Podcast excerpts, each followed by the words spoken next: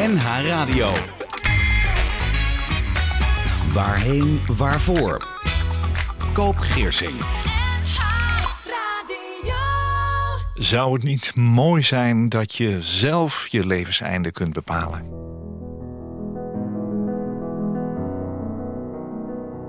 Welkom bij de start van de zondag op NH Radio. Ik ben Koop Geersing. Welkom bij een gesprek met een gast over leven en dood. Over rouw, verdriet, over loslaten, jezelf hervinden, weer opstaan. Over gene zijde. Over de vrijheid hebben om zelf te beslissen dat je uit het leven mag stappen. Fijn dat je luistert, waar dan ook. Je kunt reageren via de mail waarheen. En afleveringen zijn terug te luisteren als podcast via nhradio.nl of via Spotify, al die andere podcastkanalen. Mijn gast in deze aflevering van Waarheen Waarvoor is ex-televisiepresentatrice, journalist, schrijfster, zangeres en tegenwoordig ook parttime nanny, Milena de la Haye. Goedemorgen. We kennen je van televisie, van je journalistieke werk, je schrijfwerk. Je zingt ook nog, dat zullen we straks horen, want je hebt iets meegenomen. maar parttime nanny, hoe zit dat? Uh, nou, dat is best wel een verhaal. Ik was op een gegeven moment uh, toch een beetje klaar met de media. Waarom? Ja, laten we zeggen dat ik het ontgroeid ben. Op een gegeven moment had ik geen zin meer om, uh, om het even cru te zeggen, te zoeken naar rottigheid en die dan te bekrachtigen. Oh ja. Dus uh, als je naar het nieuws kijkt, het is eigenlijk allemaal dat gaat fout, dat gaat fout, zus gaat fout. En ik vond dat het mijn ziel begon te vervuilen. Omdat nog in uh, groot detail ook nog te moeten beschrijven. Dus ja, ik, uh, ik was er echt ineens, boem, helemaal klaar, Klaar mee. mee, ja. Dus toen ging ik van een uh, snelweg waar ik 180 km per uur reed... stond ik ineens in een doodlopend straatje voor mezelf. Was dat lekker? Nee, nee dat is wel confronterend. Want alles wat je kan, wil je niet meer doen. Dus... Uh, nou ja, zingen wil ik nog wel doen. Maar ja, daar is natuurlijk geen droog brood mee te verdienen als je niet professioneel zangeres bent. En ik ben, ik kan wel leuk een emotie overbrengen in een liedje. Maar ik, ik vind mezelf niet een topzangeres. Ik kan wel sfeer maken. Maar dat was ook niet vandaar, dat is niet mijn toekomst. Dus ik wist niet meer wat mijn toekomst was. En uh, ik ben een enorme Eckhart Tolle fan. En Eckhart zegt altijd als je niet meer weet wat je, wie je bent en wat je doet, ben je op de goede weg. Dus ik was op de goede weg, maar het was wel heel verwarrend, die goede weg. Dus toen ben ik gaan kijken, ik ga iets compleet anders doen, eventjes als pauzemoment in mijn leven. En uh, toen zag ik dat er heel veel nannies werden gevraagd. Uh, en ik denk, nou, dat is nou wel heel leuk met kindjes. Ik was altijd. Ik een oppas, ja. Nou ja, het, het, is meer dan oppas. Het is wel professioneel opvoeder wat je dan bent. Want ik heb ook mijn papieren gehaald. Dat was niet zo moeilijk. Ik ben geslaagd met een 9 en een 10. Was enigszins nou, over, overgekwalificeerd. Ben je wel goed? Ja, ik was, ja. ja. Nou ja, in taal sowieso natuurlijk. Ja. Maar, um, en toen kreeg ik eerst een, uh, twee jongetjes uit een redelijk dysfunctioneel gezin. Ik hoop niet dat ze dit hoort, maar waarschijnlijk slapen ze nog. Um, en dat was wel heel moeilijk. Die jongetjes waren wel heel erg beschadigd. Uh, en, daarna kreeg ik een heel leuk... Ik, heb, ik zit nu bij een superleuk gezin uit Haarlem. Twee juristen die allebei in de, in de top van hun carrière zitten... waar ik ook zat toen ik jonge kinderen had. Dus ik weet precies wat zij nodig hebben... en, uh, en, en, de, en de uitdaging die ze hebben... Want als je ziet, ja, als, je, als jij de kostwinner bent en je zit midden in je carrière en je hebt jonge kinderen, dan doe je die kinderen toch een beetje ertussendoor. En dat is super frustrerend, want het is heerlijk om een kind alle ruimte te kunnen geven. En ja. dat maak ik nu mee, dus dat is helend en leuk. En nou, ze zijn dol op me als ik daar binnenkom, ik word besprongen. En het is ontzettend leuk werk. Ja, ja. ja. Dat is toch heel anders dan. Uh... Ja, tussen de camera's, zeg maar, je wordt, bewegen. Ja, ik ben nu, word nu gewaardeerd voor wie ik ben, heel erg. De sfeer die ik meeneem, de speelsigheid. Uh, je moet natuurlijk ook creatief zijn om een kind leuk bezig te houden de hele dag. Dus ik teken veel met ze. Uh, maar het is ook helend. Het is... Het is uh, Wat heelt dan? ja, je, je onthaast sowieso. Um, het is goed voor je dus. Ja, het is heel goed voor mij. Het is voor mijn ziel heel goed. Ik heb, kom zelf ook uit een dysfunctioneel gezin. Dus, um, Heeft dat een relatie dan? Dat je misschien daarop, naar op zoek bent? Nou, ik doe nu alles wat mijn vader fout heeft gedaan goed. Dus ja, dat, uh, dat, ik weet niet. Dat, dat, dat, maar, dat compenseert iets of zo. Oh, ja. heel gek voor, je, voor mijn gevoel. Zo van, ik heb er nu nog tijd voor om dat nog in te halen of zo. Ja, dus, uh, maar ik weet ook wel dat het nenischap... Ik, heel veel van de ja, kwaliteiten die ik heb... die, die gebruik ik nu niet echt. Um, creativiteit, ik kan natuurlijk goed schrijven, uh, formuleren, noem het allemaal maar op. Um, ik weet dat, het, dat ik in de pauzestand sta een beetje. En er is ook weer een nieuwe carrière uh, opportunity uh, heeft zich nu aangediend. Ben ik nu aan, aan het snuffelen, maar daar kan ik nog niet zoveel over zeggen. Oké, want als je Maar die ga ik wel naast die twee dagen voor die kindjes ga ik, die, ga ik dat Oh ja, doen. dat ga je wel combineren in ieder geval. Ja, ik ga in ieder geval dat die, die kinderen moeten eerst allebei naar, naar uh, school en dan ga ik ze pas loslaten. Ja, nee, maar als je zegt pauze, dan denk ik oké, even rustig, maar er komt weer wat aan. Maar dat ja. is dus ook zo. Ja, er komt Ja. weer wat aan. We gaan het waarschijnlijk uh, wel horen. Hè? Zeker. Ons contact ontstond eigenlijk uh, zomaar. Hè? Je schreef uh, ooit een keer een mailwisseling. Ik wil heel graag een keer je gast zijn en praten over Ja. de dood en het leven. Het zijn mooie gesprekken die vaker gevoerd zouden moeten worden. Wa- waarom vind jij gesprekken over leven en dood uh, mooi? Nou, ik vind dat de dood erbij hoort. Ehm, ik vind dat mensen te bang zijn voor de dood, omdat het altijd zo als een enorm taboe wordt gezien. Het feit dat er iets bestaat als de levenseindekliniek, dat heet nu anders. Hè? Hoe heet dat nu? Dat nou, Levenseindekliniek. we, we noemen het nog even de levenseindekliniek. Toen, dat, eh, toen die documentaire op, eh, op televisie kwam, waar heel veel over te doen was, en ze kregen al die religieuze rakkers daarna om zich, over zich heen van ja, dat willen we nou juist niet. Heb ik ze een hele lange mail gestuurd. Ik zeg, lieve mensen, dank jullie wel dat jullie er zijn. Want mijn leven wordt een stuk lichter nu ik weet dat dit kan. Dat ik naar jullie toe kan komen als ik in hogere nood ben en dat ik via jullie afscheid van het leven kan nemen. Ja. Want dat wordt de mensen veel te moeilijk gemaakt, vind ik. Mijn moeder heeft ook euthanasie gepleegd. En eh, als er een goede manier zou zijn. eh, Als, nou, in mijn ideale wereld zou je naar een plek moeten kunnen gaan, een mooie plek. eh, Misschien wel een, een ex-kerk of weet ik veel. Een mooie plek met sfeer. Waar je dan eh, kunt aangeven, nou, ik ben er wel eh, klaar voor om voor de volgende stap.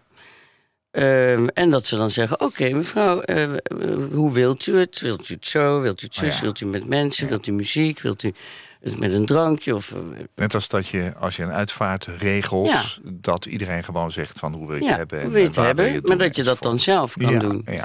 Nou, en dat er dan niet enorm van ja, maar eh, is er eh, sprake van eh, ongelooflijk lijden? Of nee, ik ben gewoon klaar met het leven.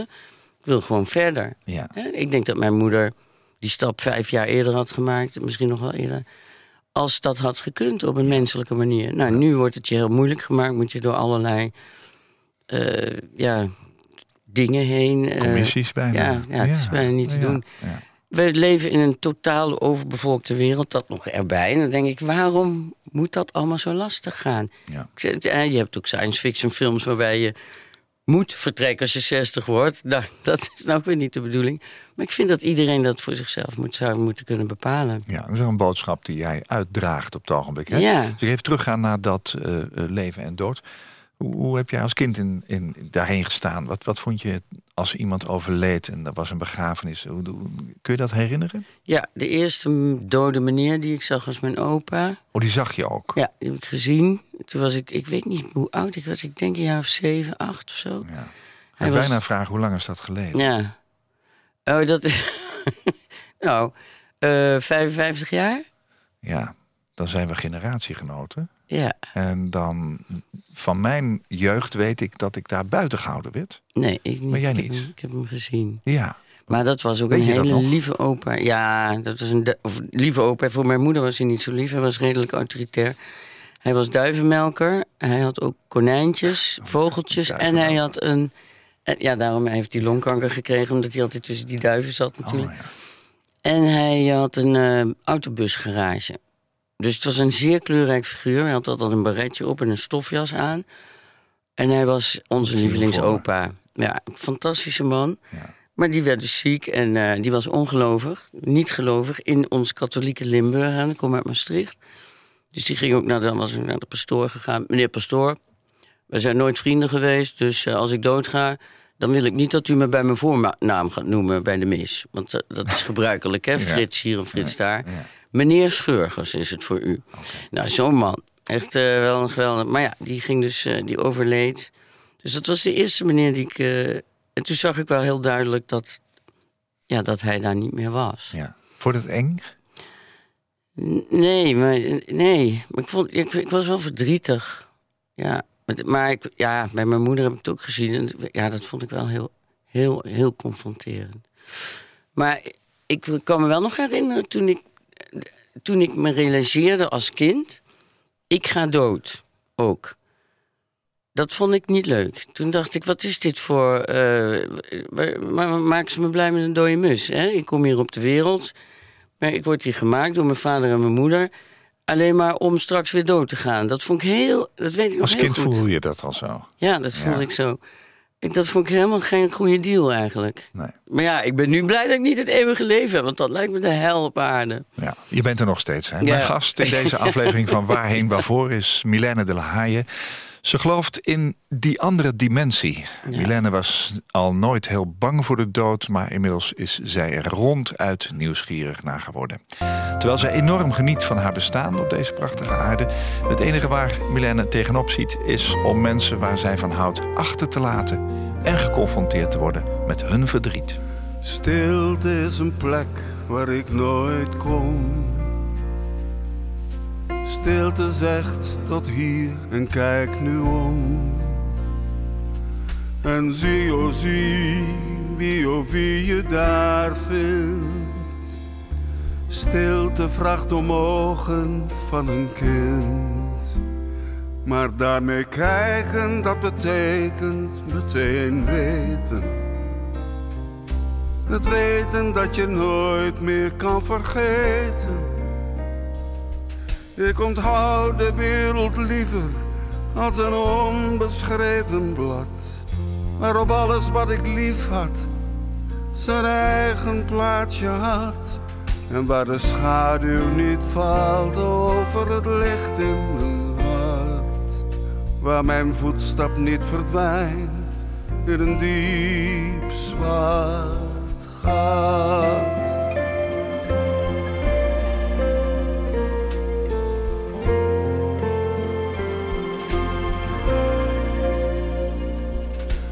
Stilte is een plek waar ik nooit kom. Stilte is de liefde die verstomt. En zie, oh zie, wie oh wie je dan nog vindt.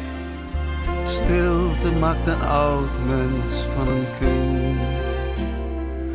Want zwijgen is voor hen die blijven leven de woorden op een abattoir geschreven.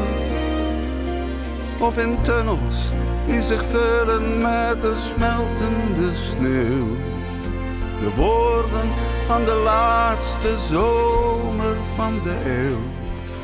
Ik wou dat u mij hoorde zonder dat ik schreeuw. Hou alles wat ademt in vredesnaam heel.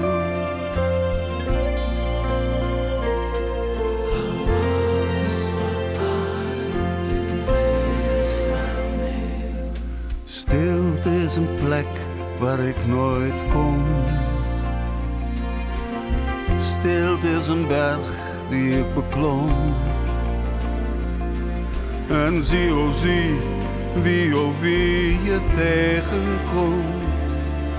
Stilte is het midden van de storm. Waar handen ineens uitstrekken naar anderen. Waar we weten hoe we iets kunnen veranderen. Aan de kringloop van honger op de blauwe planeet. En de zee van plastic en wie weet hemelsbreed. En de brandende bossen, al het menselijk leed.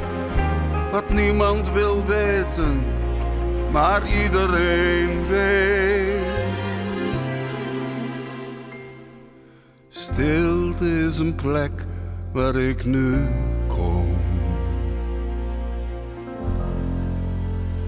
Hij is meer dan een halve eeuw zanger, Rob de Nijs. Van zijn album Het is mooi geweest hoorde je de stilte. Stilte is een plek waar ik nu kom. Mooie tekst. Ja, heel mooi. Maar het is daar niet stil. Volgens mij. Een van jouw grote helden is Ja. Anita Mojani. Een vrouw Ja. die aan de andere kant, tussen aanhalingstekens, is geweest. En is teruggekomen met verbijsterend mooie verhalen. Wie is zij en wat heeft zij meegemaakt?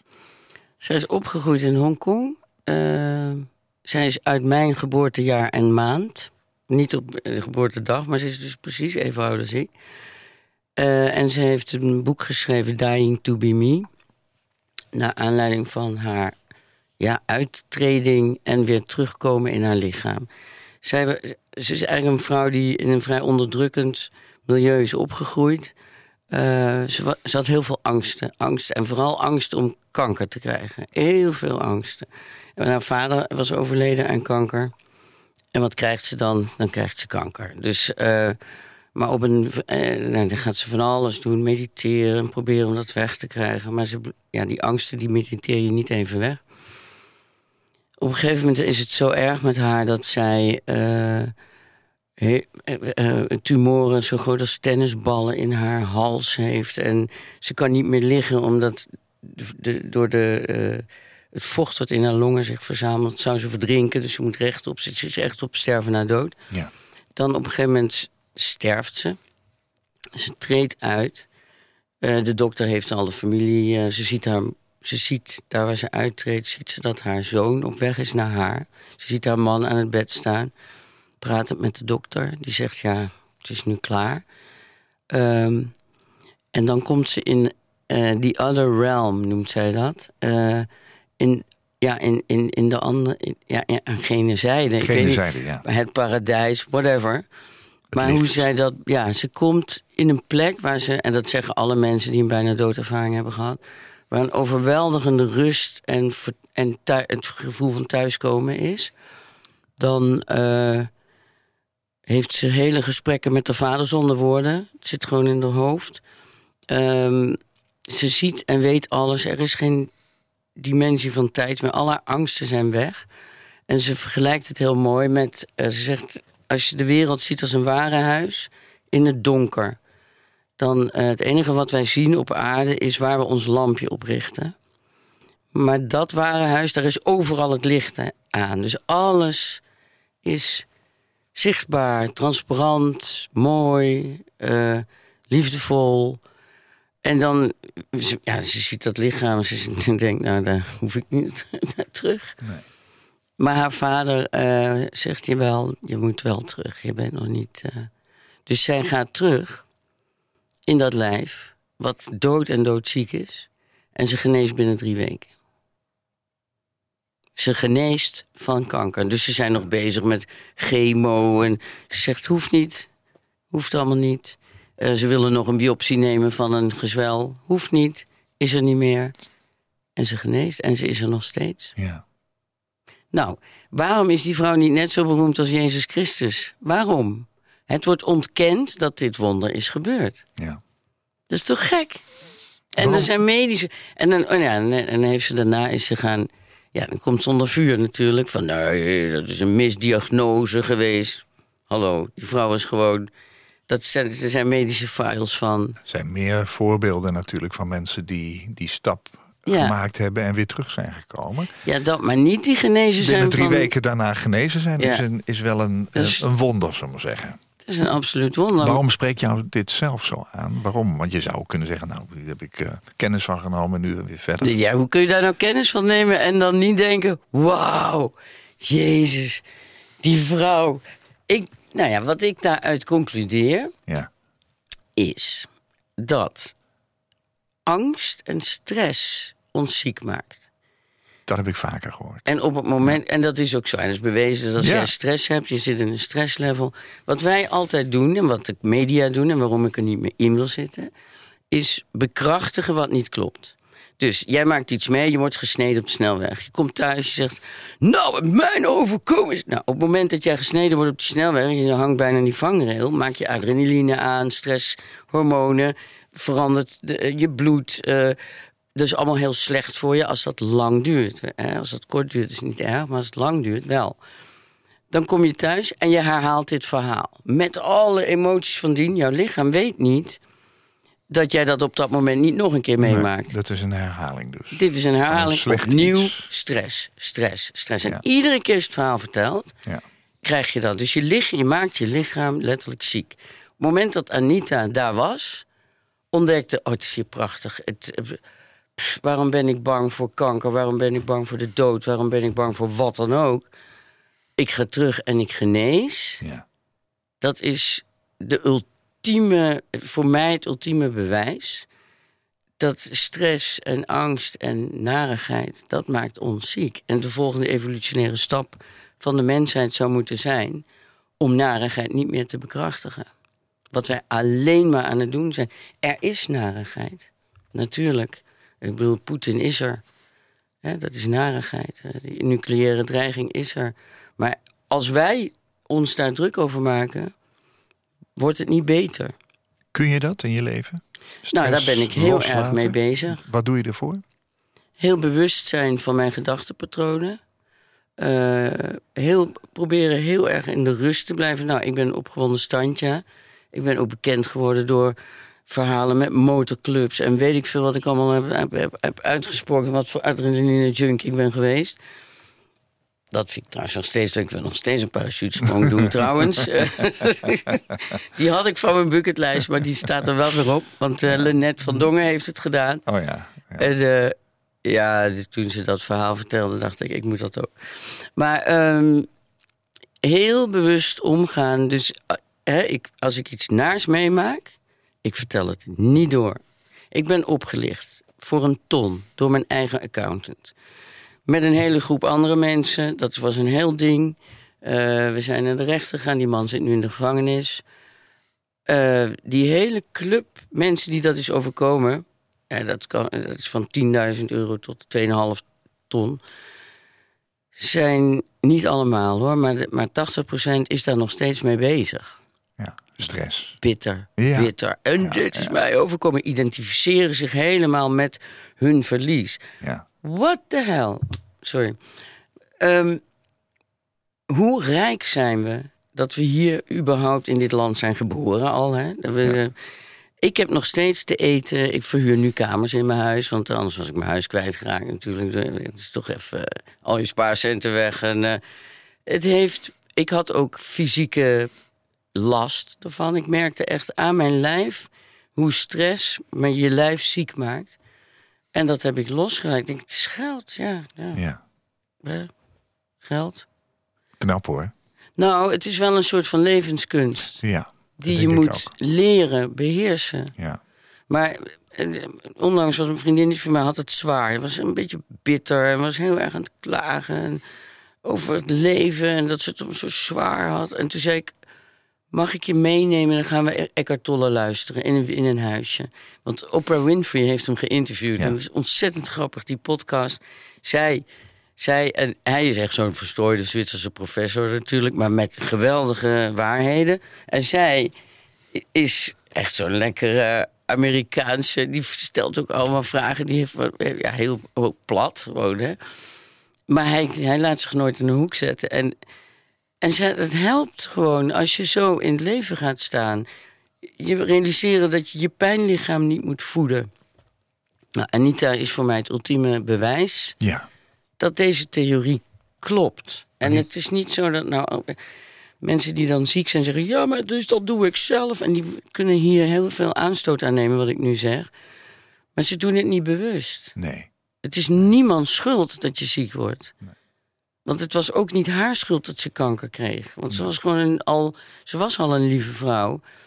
Maar ze heeft iets zo heftigs meegemaakt, waardoor ze kankervrij werd. Ja, dat maakt natuurlijk niet. niet dat, dat kan niet iedereen even meemaken. Zo. Nee. Anita Moriani. Ja. Voor diegenen die dat eens willen opzoeken. Dying to be me heet Dying to be me. Nou, dat is een mooie titel ook. Toch? Ja. ja, zeker. We gaan zo verder praten. Ik heb gevraagd, neem nou eens drie liedjes mee. En toen kwamen de hele lange stukken. Ja, um, ja sorry. Laten we, laten we eh, een stukje laten horen van het eerste wat op jouw uh, lijstje staat. Dat is een pianoconcert. Van Ravel. Waarom ja, was de vind je dat dat mee moet naar jouw eigen uitvaart? Het was het lievelingsstuk voor mijn moeder. En, het heeft, en ze heeft het niet laten draaien op haar uitvaart, want die heeft ze helemaal zelf geregisseerd. En daar was, dat was het niet. Nou, een, een mooi. Het is een heel prachtig melancholisch stuk muziek. Ik vind dat op mijn uitvaart moeten ze even flink kunnen janken. Ja. Met mooie beelden van mij. Ja, mag. Ja, natuurlijk, is nodig. En dat mag onder, onder melancholische muziek. Dus dat, of dat, of dat van Piazzolla. Dat vond ik ook heel mooi. En daarna wordt het leuk. Oké, maar we gaan eerst hier naar luisteren. Hoe heet jouw moeder? Miep.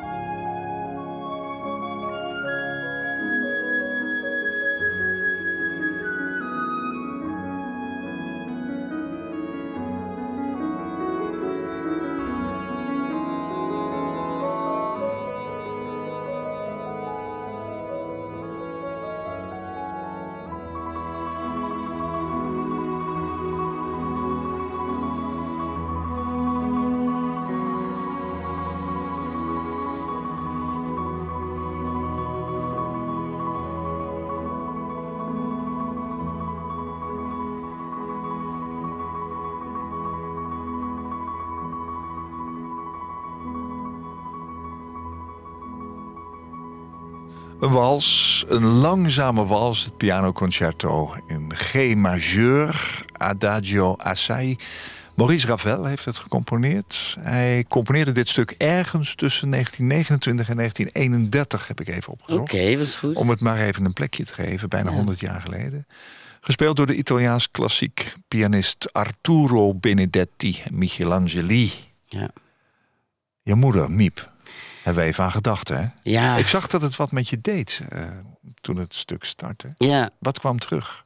Waar moest jij ja, denken? hoe zij erbij zat als dit gespeeld werd. Helemaal in vervoering. En ook, uh, ze was ook echt heel erg fan van deze pianist. Die iets met de timing deed wat zij heel mooi vond. Zij was, zij was een zeer belezen en uh, ze had ja, goede muzikale smaak. Wat was, uh, hoe zou je de relatie met je moeder omschrijven? Was jij de oudste dochter? Ja, ik ben de oudste dochter. was je ook het oudste kind? Nee. Oh, je hebt nog een broer die Ja, maar zit. ik zei altijd, ja, fysiek is hij de oudste. Maar psychisch ben ik de oudste. Heb je dat ook wel eens tegen hem gezegd? Ja, ja, ja, Oké. zeker. Maar dat kan dus blijkbaar. Maar Ja. was- hoe was jij met je moeder en hoe was zij met jou? Ik was een eh, zorgenkind omdat ik een hele ernstige ziekte aan mijn linkerbeen had. Een streptokok in mijn beenmerg. Wat is Dus dat? Een streptokok is, eh, dat is een hele nare bacil. Dat is een killer, een killer bacci- een bacterie. Ben je daarvan hersteld dan? Ja. Want dat is tijdelijk. Maar zij heeft mijn been gered, zeg maar. Want ze wilde mijn been al amputeren omdat die streptokok er niet uit wilde. En zij was een leeuwin. En heeft... eh, Dat gaan we niet doen. Nee, ze heeft, eh, ze heeft daarvoor gevochten. En, en ze heeft iemand gevonden in Nijmegen, in het Radboud ziekenhuis... die Ja. zei, ik heb een theorie, is nog niet op een mens uitgeprobeerd... maar door al het beenmerg uit dat bot te spoelen, helemaal... dat is voor het eerst bij mij gebeurd toen. En dat is nu standaard eh, bij... eh, dus dat heeft gewerkt. Oh, dus ja. het heeft mijn been gered. Ja, en ja. ja, haar rol daarin was enorm. Maar ik heb dus heel veel in het ziekenhuis gelegen. En zij kwam en zij Hoe oud was je toen dan? ja, tussen zeven en Oh, tien oh een belangrijke leeftijd. heeft zich dat afgespeeld. Ja, Dus ik had een hele speciale band met haar. ja, En eh, zij met mij. ja. Eh, want eh, ja, dan kwamen we, dan gingen we wandelen. We hadden ook een soort heupzwaai. Want ik mocht dan een tijdje niet op dat been lopen. Hadden we een heup, heupzwaai ontwikkeld. En die had ik haar om haar middel. En dan zwiepte ze met de heup. Zwiepte ze mij zo steeds voor haar. En dan konden we zo heel lang lopen. Eh, Maar dat is heel bijzonder dat ze dat, ze Ja. dat doet. Want jij sprak eerder over een... Ik kom zelf uit een dysfunctioneel ja. gezin. Ja, mijn moeder is gaan drinken later. Mijn vader was een tiran. Eh, we werden psychisch en fysiek eh, onderdrukt eh, en, en nou ja, mishandeld. Eh, veel klappen gehad, ik ook. En zij kon ons niet beschermen. En daarom is ze gaan drinken. Ik begreep dat altijd. Ik heb haar nooit in de steek gelaten. Nee. Je was niet boos op haar dat ze jou Nooit. niet beschermde of zo. Nee. Hoe kan een schaap nou een wolf tegenhouden? Dat gaat niet. Maar dat zag je als kind al. Ja. Ja. Dus ik ben zelf ook een wolf. Dus eh, daarom had hij ook wel respect voor mij. Want ik, ik rebelleerde enorm tegen hem. Ik kreeg wel klappen. Maar ik werd niet psychisch onderdrukt. Want hij had wel respect voor mij. Maar het was natuurlijk niet. Dus ik heb mijn broer. eh, hij, heeft, ja, hij heeft ons echt. eh, hij, hij botvierde zeg maar al zijn frustraties. Hij was een totale, complete narcist. ja. Want ik heb daarna in mijn journalistiek wel over narcistische mannen geschreven. En toen dacht ik, oh, dat was die. Alles, alles klopte Weer op eigenlijk. zijn plek. Ja. Maar mijn moeder, ja, super lief, super humoristisch. Eh, al mijn vriendjes en vriendinnetjes bespraken hun puberproblemen met mijn moeder. Ja. Want die, waardevol. ja, die was zeer waardevol. En eh, haar liefde heeft ons ook gered. Maar op een gegeven moment ging ze dus door drinken. Ja, en toen hebben we haar zien degenereren in Ja. een heel rap tempo. Waarom euthanasie uiteindelijk? Zij, eh, nou, ze kwam op een gegeven moment bij me. En eh, ze heeft nog wel de eerste vier jaar van mijn tweeling... heeft ze me geholpen met hun eh, ja, op te voeden. Want dat is nogal wat, Ja. een tweeling. Dus is, was ze er veel. Maar dan moest ze altijd eerst een antabuspilletje van mij innemen. Want daar kun je niet doorheen drinken. Voordat ik het huis durfde te verlaten. En daar heeft ze toch nog wel eens doorheen gedronken. Maar ik vergaf haar best echt wel veel. Op een gegeven moment kwam ze bij me. Toen waren de kinderen vier. Milen, mijn vriend, is gearriveerd. Ik zeg, oh, jij gaat dood. Ik wist meteen wat ze bedoelde. Oh ja? Ja. Oh ja. Ja, zei ze, ik heb uh, blaaskanker. Ik zeg, dat is natuurlijk nog operabel. Mhm. Dat ga je natuurlijk niet doen. Nee, wist ik. Ik wist ook dat als ze een keuze had gehad, was al veel eerder gegaan. Mhm. Dan had ze, als er zo'n zo'n plek zou zijn die ik zou willen, namelijk waar je naartoe kan gaan en zeggen: Nou, ik ben er wel klaar mee. Wanneer kan ik vertrekken? Zo en zoveel mensen wil ik uitnodigen die in die muziek willen. Ja, dat ze regisseerde dat zelf. Nou ja, als zij dat had gekund, had ze dat gedaan. Al veel eerder dan toen ze kanker kreeg. Maar ze, was, ze heeft vanaf het moment dat ze kanker kreeg geen druppel meer gedronken. Want dat drinken was eigenlijk puur om van de wereld te raken. Waar ze niet tegen kon, die wereld. Mm. En uh, is ze helemaal weer terug, ja, als een soort phoenix out of the grave. werd ze weer onze moeder met al haar adremheid, haar humor, haar, haar, haar snelheid van denken. En heeft ze een, een sterfbed van twee maanden gehad, waarin ze met ons allemaal alles besproken heeft en is uh, heel vredig gegaan. Ja. Hoe lang duurde het uh, voordat die euthanasie daadwerkelijk... Ze had uh, een vriendin met, met invloed. die woonde in Vinkenveen. En die heeft ervoor gezorgd, want ze had helemaal geen euthanasie-testament, of had ze allemaal niet. Die heeft ervoor gezorgd dat dat, dat, dat kon. Dat kon dus toch? Ja, twee artsen hebben het gedaan. En wij waren er niet bij. Ik heb de avond voordat ze ging uh, afscheid moeten nemen. Ik had net lief en leed opgenomen. En ze zou nog twee weken blijven. Ze had gezegd, over twee weken wil ik gaan. Ik wacht de sneeuwklokjes af en dan wil ik gaan. En toen werd ik gebeld na de opname voor Lief en Leed... door mijn zus. Mama gaat van morgen. Ik zei, nee, nee, nee, nee, nee, twee weken, twee weken. Nee, ze gaat morgen. Ze heeft pijn, ze gaat morgen. Je moet nu komen om afscheid te nemen. Dat was echt... Uh, ik, ja, als je denkt, je hebt nog twee weken... dan is het ineens nog maar een, een avond. Ik, Dat vond ik heel heftig. En toen ben ik uh, naar haar toe gegaan, nog helemaal in de krul... Uh, met de maquillage nog op. En, en toen hebben we afscheid moeten nemen van haar. Hoe ging dat? Ja, het was heel mooi en het was ook ja, ik, dat ga ik nooit meer vergeten. Maar ze, ze had een paar dingen voor me. Ze lag daar zo. Ze zegt, nou, ik heb een paar dingen. Ik zeg, ja, je gaat nu niet als een soort maffiabaas uh, mij uh, opzadelen met allerlei dingen die je van mij wil. En waar ik de rest van mijn leven last van heb. Nee, nee, nee, dat valt wel mee. Goed. Uh, het eerste ding is, ik heb dat bandje, ik had een nummer voor haar geschreven. Wat gespeeld zou worden op haar crematie. Had ze al geluisterd, een liedje had ik geschreven. Ze dat bandje heb ik weggegooid. Ik zeg, dat was het enige bandje. Ja, maar jij gaat morgen even een piano regelen en jij gaat het voor mij spelen. Ik zeg, dat kan helemaal niet. Ik, ik huil al op een begrafenis van iemand die ik niet ken. Dus hoe kan ik dat doen op jou? Ja, ik wil dat en ik ga dat horen en, uh, en dat gaat jou helpen. En dan vraag je maar aan Jan, dat was toen mijn, uh, mijn, mijn, de vader van mijn kinderen, die is heel goed gitarist, dat hij ook meespeelt. En als je dan niet meer kan spelen, ik zeg je maar mama, pijn, dat zit op je in je strot, verdriet. Dan kan je toch niet zingen? Ja, ik wil dat. Nou, zo erg, ze was zo erg. Ik zei, nou, oké, nou, gaan we doen. En, uh, en tweede, tweede is onmiddellijk ophouden met televisie. Ik, ik zeg, oké, ik heb nu een programma, 1,4 miljoen mensen naar kijken. Ik heb een tweeling, ik ben kostwinner. Uh, heb je nog een alternatief? Ja, je bent veel te mooi voor die wereld. Dat gaat je lelijk maken. En dat mag niet gebeuren. Dus ik wil dat je daarmee stopt. Ik zeg, oké. Ja, uh, kan ik een compromis? Een compromis was... Uh, ik zeg, nou, mam, zodra ik voel dat dat wat jij mooi aan mij vindt... gecorrumpeerd wordt door televisie maken en de media, stop ik. Nou, heb ik gedaan. Wel 25 jaar na dato, maar ja. Maar het was wel geweldig. En toen, uh, en toen heb ik hem vastgehouden. En toen. Uh, haar gezicht was weer heel mooi. Door die kanker was. Ze was heel opgeblazen geraakt door dat drinken. En ze had van die, van die adertjes in haar gezicht. En dat was allemaal heel mooi glad weer geworden. En ze was natuurlijk enorm afgevallen omdat ze kanker had. En ze lag daar echt zo sereen in mijn armen. En uh, nou, toen, moest, toen moest de kamer uit. Ja, dat ging niet. Dus naar de deur en weer terug. Naar de deur en. Ja, ga nou. Nee, kan niet. Ja, ga nou. En toen viel ze in slaap.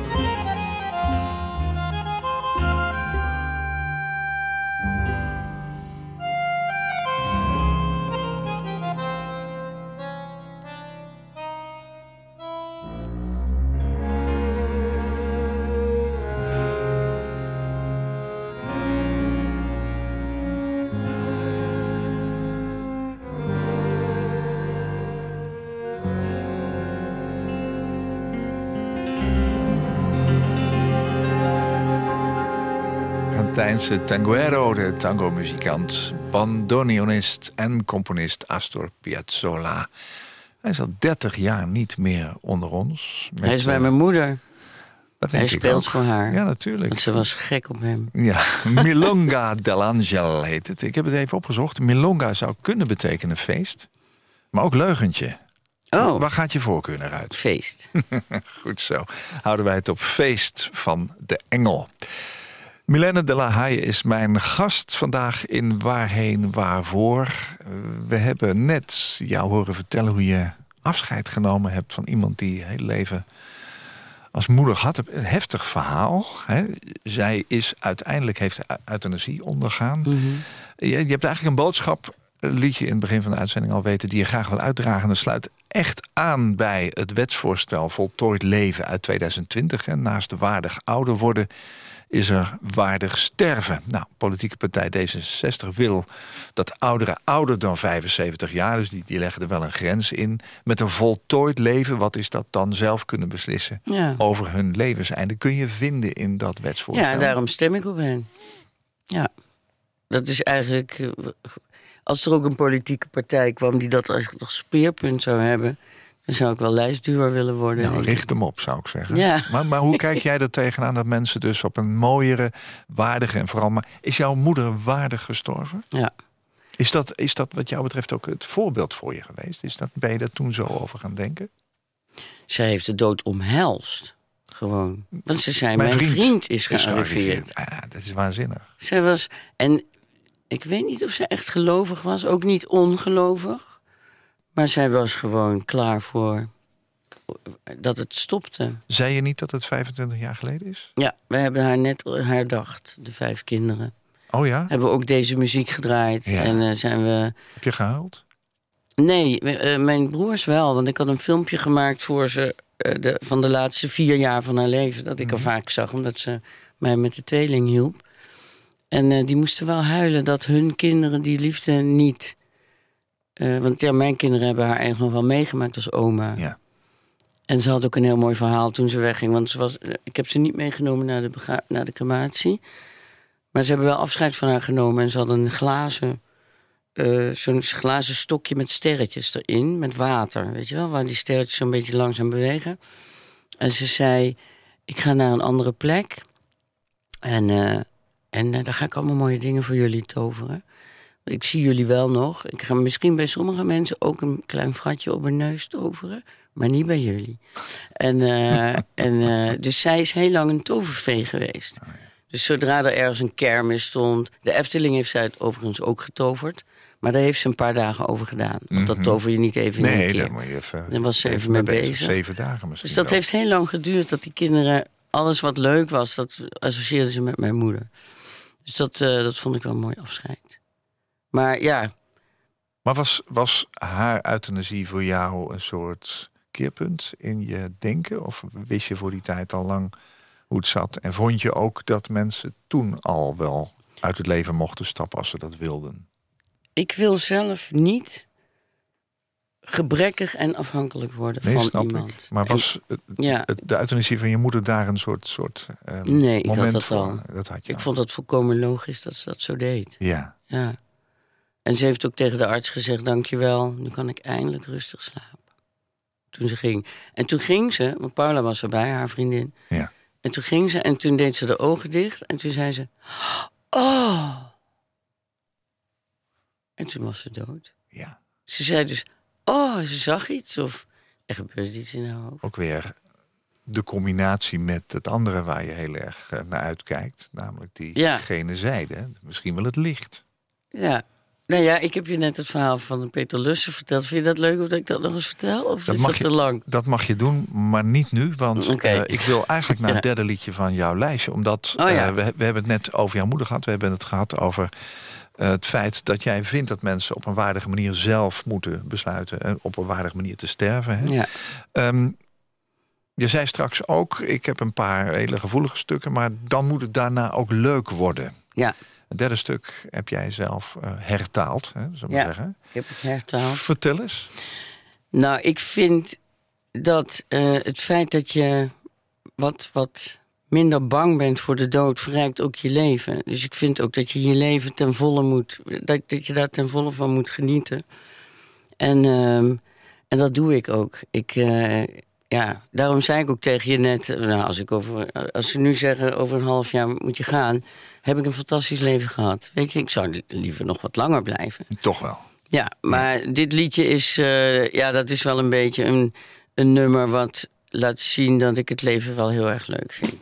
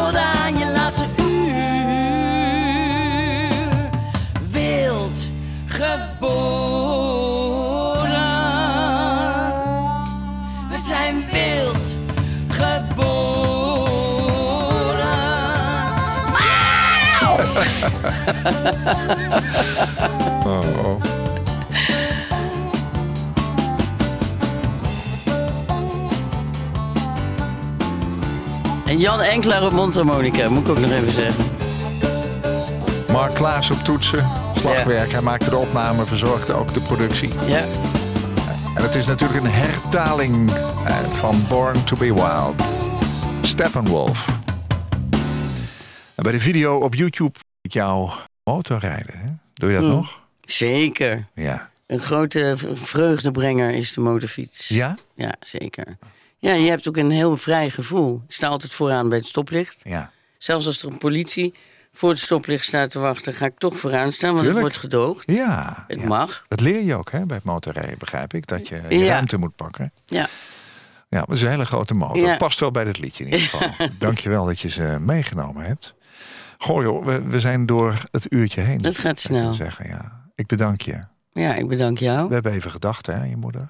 Ja. Ja, mijn gast in Waarheen Waarvoor was Milène de la Haye. Die andere dimensie, daar gelooft zij in. En daar is zij nieuwsgierig naar, maar nog niet meteen. Milène vindt dat mensen op een mooiere, waardiger en vooral makkelijker manier uit het leven zouden moeten kunnen stappen. op hun manier hun moment. Ze zegt, hoe mooi, romantisch en liefdevol zou het zijn... als de ander zou kunnen zeggen, als jij gaat, wil ik met je mee. Dit doen we samen. En de dood is het moment om het leven en de liefde te vieren. Nou, fijn dat je hier was vandaag. Op deze ja, ik vond het ook fijn. vroege zondag. Ja, het was wel vroeg, dat is wel waar. Ja. Ga je nog wat leuks doen? Ja, ik moet twee kindjes die gaan auditie doen voor Kinderen voor Kinderen uh, zelfvertrouwen geven. Gaaf. Vandaag. Gaat je lukken, weet ik zeker. Koop Geersing. Een keer te gast wilt zijn in Waarheen Waarvoor om te vertellen over jouw levensreis, laat me dat dan weten via waarheenwaarvoor.nhradio.nl. Waarheenwaarvoor.nhradio.nl. Dit was een NH Radio podcast. Voor meer ga naar nhradio.nl.